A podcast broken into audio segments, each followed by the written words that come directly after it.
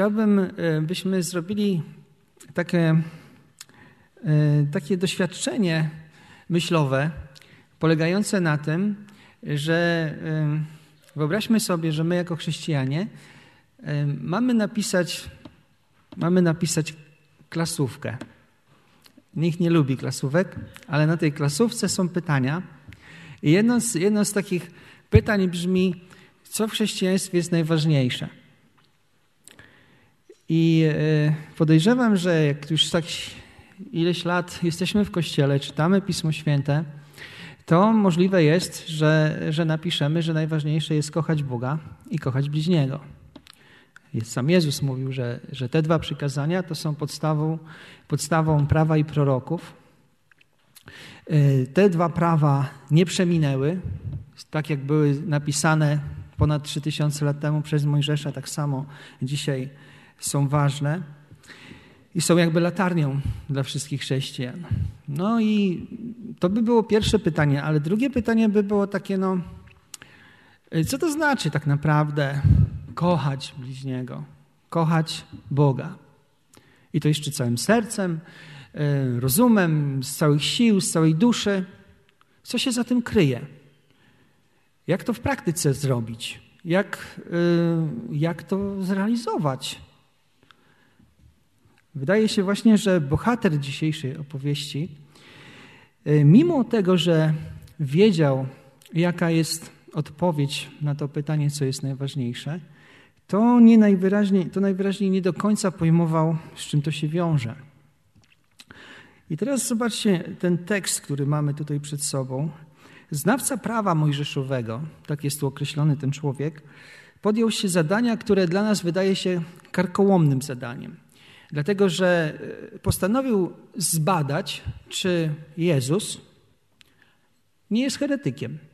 Postanowił zbadać, czy Jezus w prawidłowy sposób rozumie prawo, naucza prawo, wyjaśnia prawo, co jest dla nas z naszej perspektywy takie o tyle niezwykłe, że dzisiaj wiemy, że Jezus jest tym, który nadał prawo, a tutaj człowiek waży się go testować. No i pyta mu, pyta, stawia mu pytanie: Nauczycielu, co mam czynić, aby odziedziczyć, odziedziczyć życie wieczne? Bardzo ważne pytanie. E, bardzo ważne pytanie dla każdego z nas, e, bo odpowiedź na nie, wtedy on też tak myślał, sprawi, że będzie wiedział, jak odziedziczyć, odziedziczyć wieczne życie, jak żyć na wieki. Tego pragnął, tego, tego oczekiwał, o, o to mu chodziło w tym jego studiowaniu prawa. Y, Jezus odpowiadał bardzo wielu ludziom na różne pytania. Bardzo często odpowiadał zwykłym ludziom, ale mamy też w Ewangeliach pytania, które zadawali mu uczeni w piśmie.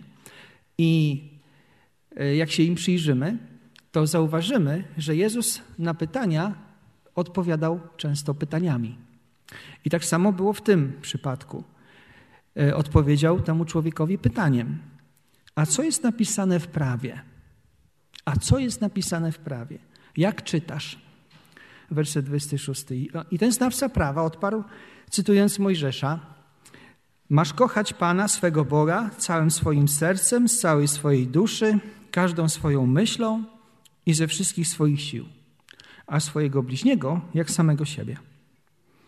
No i taka odpowiedź się spotkała z, Jezusą, z Jezusa słowami, że dobrze odpowiedział, prawidłowo. Tak postępuj, a będziesz żył. Werset 28 się kończy. I prosta rzecz, zrozumiała. I tak myślę sobie, że tak samo prosta i jak niemożliwa do wykonania dla człowieka.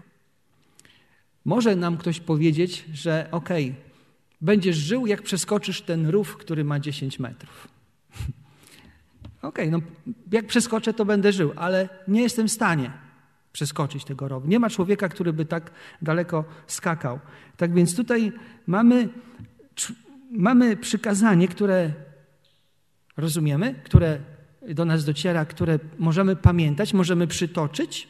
Natomiast nie jesteśmy w stanie tak kochać Boga i tak kochać bliźniego.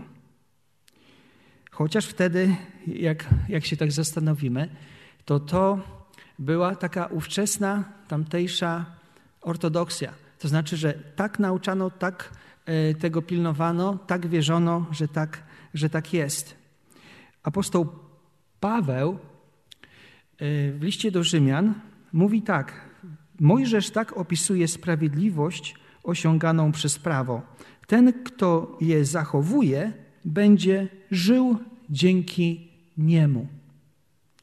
Ten, kto je zachowuje, będzie żył dzięki niemu.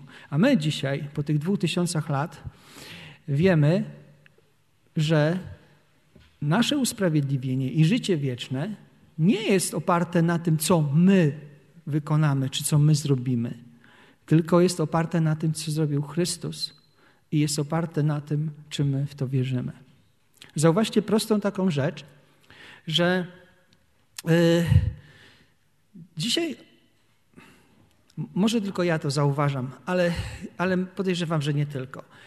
Jeżeli człowiek myśli, że coś zrozumiał, to zakłada, że to wykonuje. A tak nie jest. Jeżeli na przykład słyszy z Ewangelii, że musi uwierzyć w Jezusa, rozumie to, co słyszy, zgadza się z tym, co słyszy, i pytanie, czy wierzy w Jezusa? Czy, jest, czy to jest to samo? Usłyszeć, zrozumieć, zgodzić się z tym? Czy to jest to samo, co, co wierzyć? Albo na przykład to przykazanie. Jesteśmy w stanie zrozumieć, że Bóg oczekuje od nas, że będziemy Go kochać z całego serca, z całej duszy, z, całej, z całego rozumu, ze wszystkich sił. Rozumiemy to? Ale czy jesteśmy w stanie to zrobić? Czy, czy my to robimy? I odpowiadamy na to, że oczywiście, że nie. Że, że to nie jest to samo y, zrozumieć, a robić.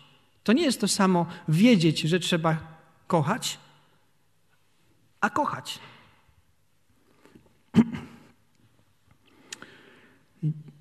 I dzisiaj wiemy, że człowiek dostępuje usprawiedliwienia. W liście do Galacjan, to jest ciekawe, zachęcam do poczytania, nie dzięki spełnianiu uczynków nakazanych przez prawo, to są słowa apostoła Pawła, dostępuje go tylko dzięki zawierzeniu Jezusowi Chrystusowi. Jezus odpowiedział, że dobrze ten znawca prawa odpowiedział, że dobrze rozumuje. Znawca prawa musiał się poczuć jakoś tak niezręcznie, no bo okazało się, że zadał Jezusowi pytanie, na które sam potrafił odpowiedzieć. Więc podejrzewam, że czuł się e, w taki sposób, jakby no, że no, powinien się wytłumaczyć, dlaczego zadał takie pytanie. No bo, no bo to jest dość niemądre zadać pytanie, na które się zna odpowiedź. No i on zadał drugie pytanie tutaj chcąc się usprawiedliwić. Dlaczego zadał to pierwsze?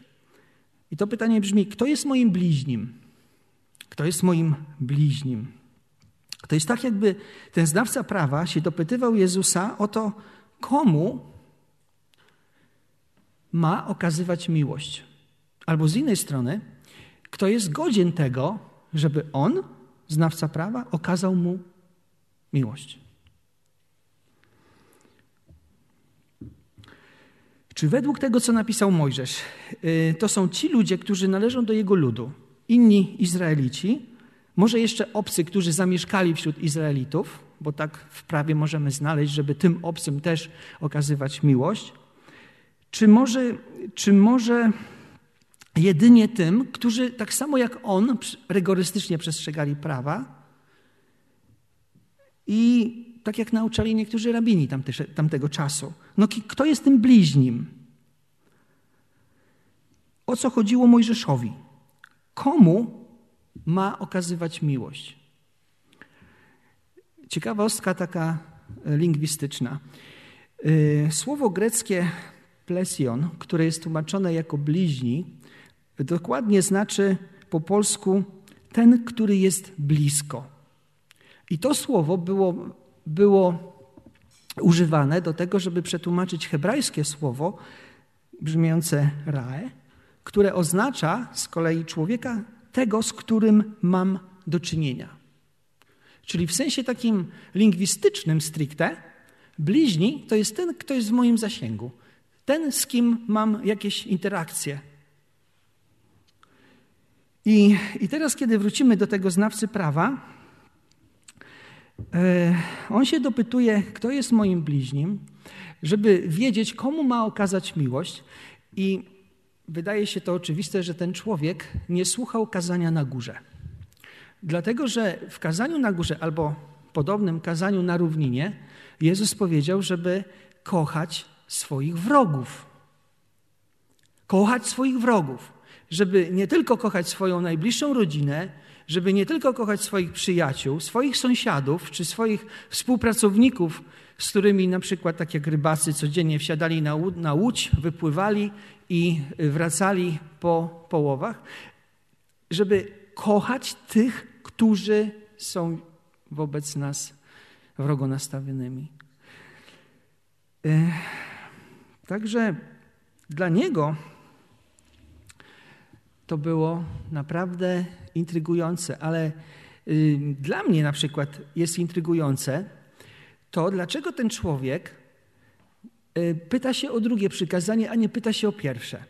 Bo ja, ja gdybym, gdybym miał okazję spotkać się z Jezusem i zadać mu pytanie, to bym pora, przede wszystkim pytał Jezusa o to, co to znaczy kochać Boga z całego serca, z całej duszy, z całej siły, ze wszystkich sił. Jak, z całym rozumem. Jak, jak to ma być? Czy, czy to jest możliwe w ogóle? A tutaj się okazuje, że ten człowiek pyta go o drugie przykazanie. Tak jakby te pierwsze w ogóle nie sprawiało problemu. Tak jakby to pierwsze było oczywiste, wiadome, że on przecież kocha Boga w taki sposób, więc tutaj nie ma o co pytać. No może nie ma, ale wydaje mi się, że może wcale nie jest tak, jak, jak on myślał, że, że jest.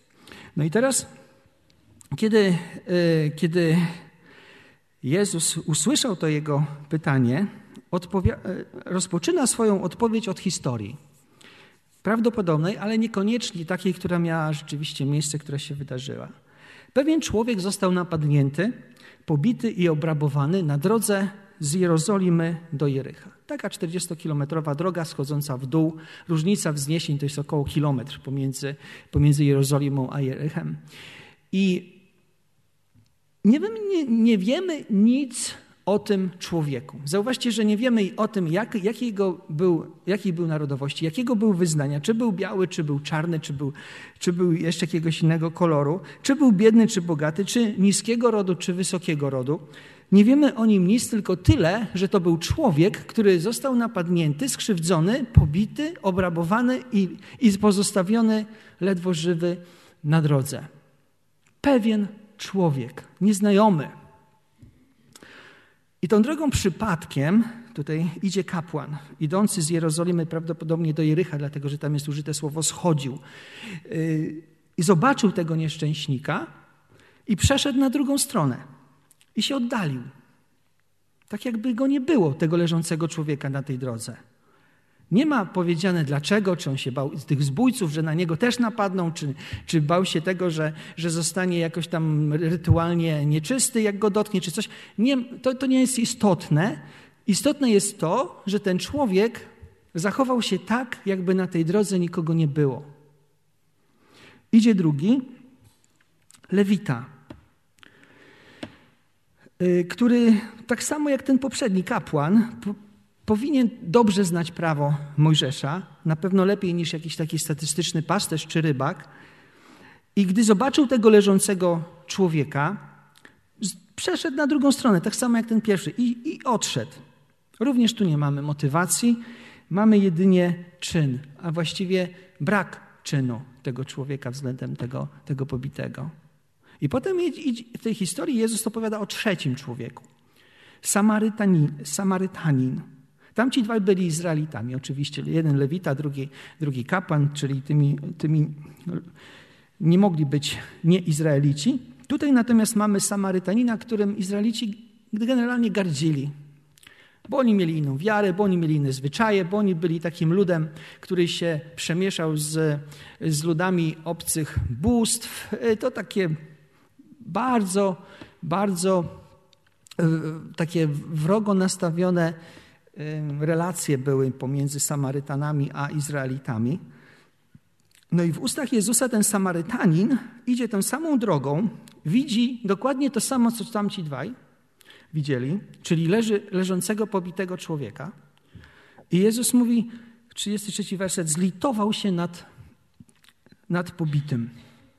Zlitował się nad pobitym. Po czym Jezus opisuje, jak wyglądało to jego zlitowanie się nad tym pobitym. Podszedł, obandażował rany, polał oliwą i winem. Rozumiemy, że to był sposób ówczesny dezynfekcji ran, najlepszy jaki był dostępny. Wsadził na własne zwierzę, zabrał do gospody i opiekował się nim w gospodzie.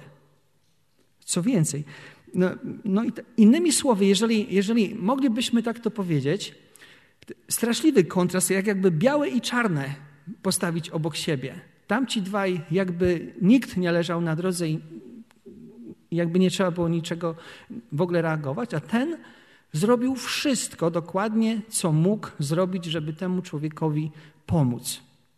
Zmienił swoje plany, bo się okazuje, że przenocował jeszcze w tej, w tej gospodzie, a, na, a rano mówi, dał temu gospodarzowi gospody y, dwa denary, czyli takie dwie dniówki, które zarabia przez cały dzień pracujący człowiek, na to, żeby, żeby pokrył koszty opieki nad tym pobitym. I jeszcze mówi, jak zabraknie, to, to w drodze powrotnej zwrócę.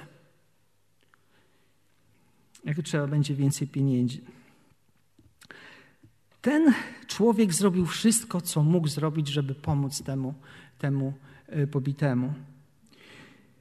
I opowiedziawszy tę historię do końca, Jezus zadaje pytanie znawcy prawa. Który z tych trzech, Twoim zdaniem, okazał się bliźnim człowieka, który padł ofiarą rozboju? No, znawca prawa, podobnie jak każdy z nas, e, nie miał problemu. My też nie mielibyśmy problemu z odpowiedzią. Nikt z nas by nie miał. Ten, który się nad nim zlitował, okazał się bliźnim pobitego. Znał na tyle dobrze prawo, żeby wiedzieć, że prawo mówi o miłosierdziu wobec drugiego człowieka. Chociażby ten fragment z 19 rozdziału e, księgi, trzeciej księgi Mojżeszowej, który czytałem na wstępie nabożeństwa. Mówi, co to znaczy mieć wzgląd na potrzeby, na potrzeby bliźniego. E,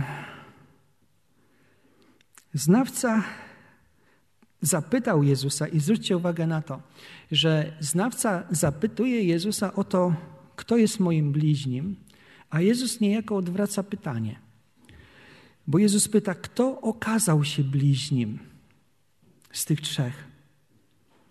Kto okazał się bliźnim? Tak jakby, jakby wskazywał na to, na to że, że nie chodzi o to, żeby szukać ludzi, którym, którzy są godni tego, żeby im okazać miłość, tylko przy każdej okazji starać się każdemu okazać miłość.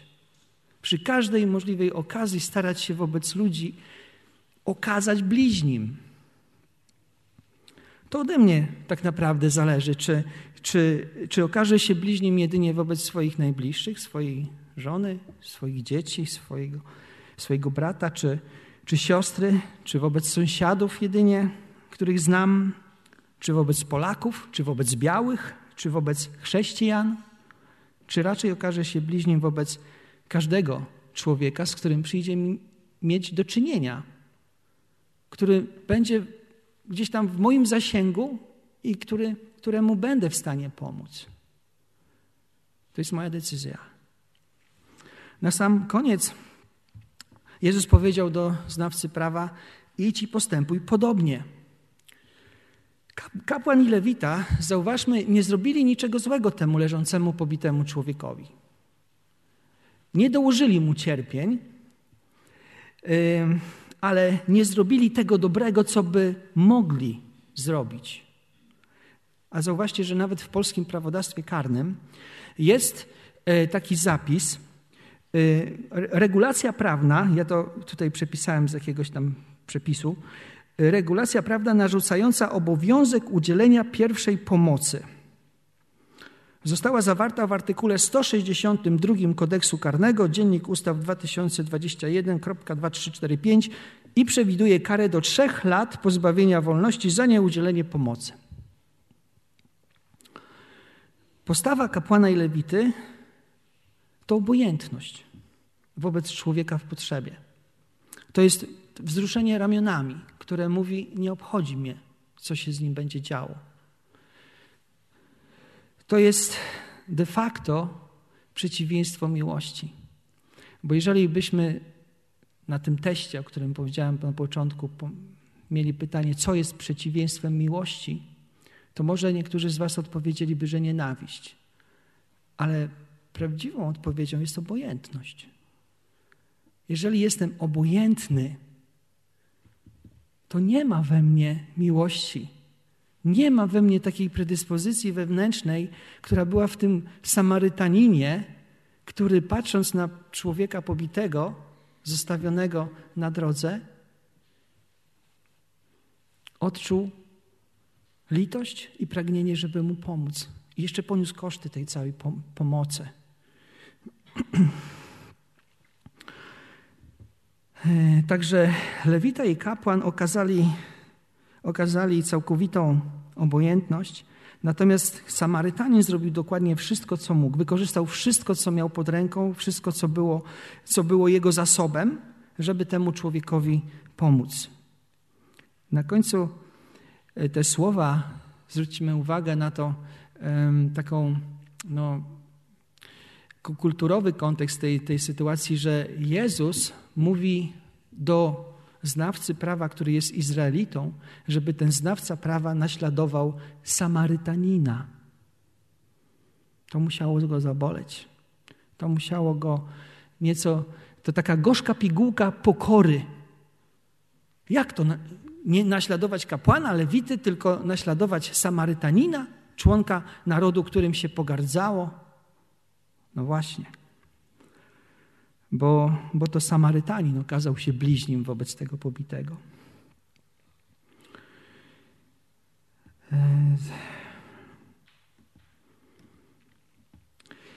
Podejrzewam, że w tym momencie e, ten znawca prawa mógł sobie zdać sprawę, że tak naprawdę nie wypełnia tych dwóch wielkich przykazań, że nie wypełnia prawa mojżeszowego. Zresztą zgadza się to z tym, co napisał apostoł Jan w swoim pierwszym liście. Tam na przykład czytamy w czwartym rozdziale, bo kto nie kocha brata, którego widzi, nie może kochać Boga, którego nigdy nie zobaczył.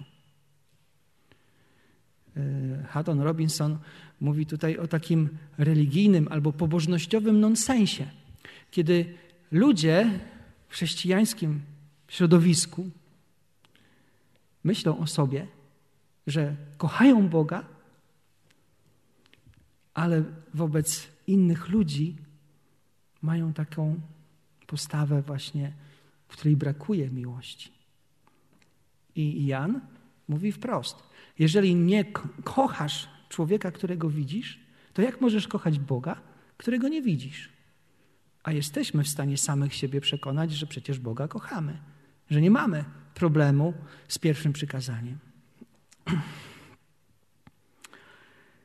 Y, ciekawe, ciekawe, mm, ciekawą historię też słyszałem, która gdzieś tam ilustruje to, że o, w zależności od tego, kim jestem, to różne rzeczy widzę. Y, I w związku z tym, że różne rzeczy widzę, to y, w różny sposób postępuję. Jest taka historia, słuchajcie, o kocie. Y, kot, który pojechał do Londynu y, i dostał się na dwór królowej. I był w sali audiencyjnej królowej. Potem ten kot wraca do swojego domu i pytają tego kota: A gdzie ty byłeś, kocie? No, byłem w Londynie. I pytają go drugi, drugie pytanie: a, a co tam widziałeś w tym Londynie? A byłem u królowej. Byłem, no, i, I co widziałeś tam u tej królowej? U królowej widziałem mysz. Mysz pod tronem siedziała, mysz. No, to jak? Ale no przecież to była audiencja, a jak była ubrana królowa, kto tam jeszcze był? Nie wiem. Widziałem mysz. I pytanie jest, dlaczego ten kot widział mysz pod tronem, a nie widział niczego innego? No dlatego, że był kotem. Koty nie zwracają uwagi na to, jaką kto ma fryzurę, jakie ma ubranie, czy, czy ktokolwiek jak, jak wygląda. Jego interesuje tylko mysz. I teraz wróćmy do tej, do tej historii o tym pobitym człowieku.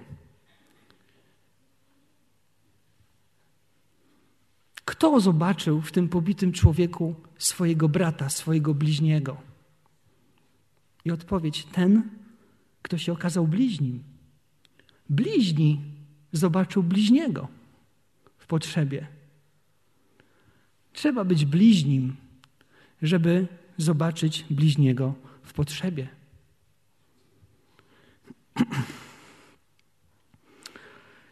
I tak już kończąc kilka zdań.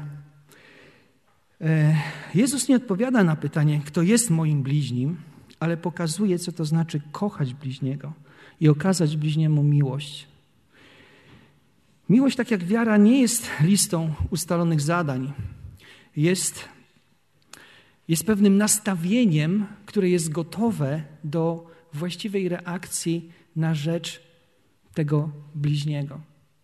Można by sobie postawić pytanie, może kiedyś pamiętacie, były te takie opaski, co, co by Jezus zrobił? Po angielsku skrót WWJD. What would Jesus do?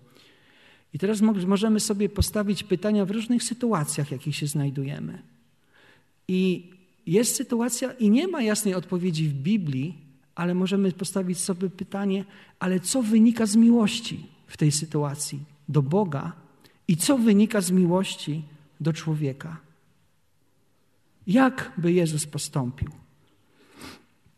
Samarytanin, zauważmy, postąpił z tym obcym, pobitym człowiekiem tak, jakby postąpił z najbliższym sobie członkiem rodziny.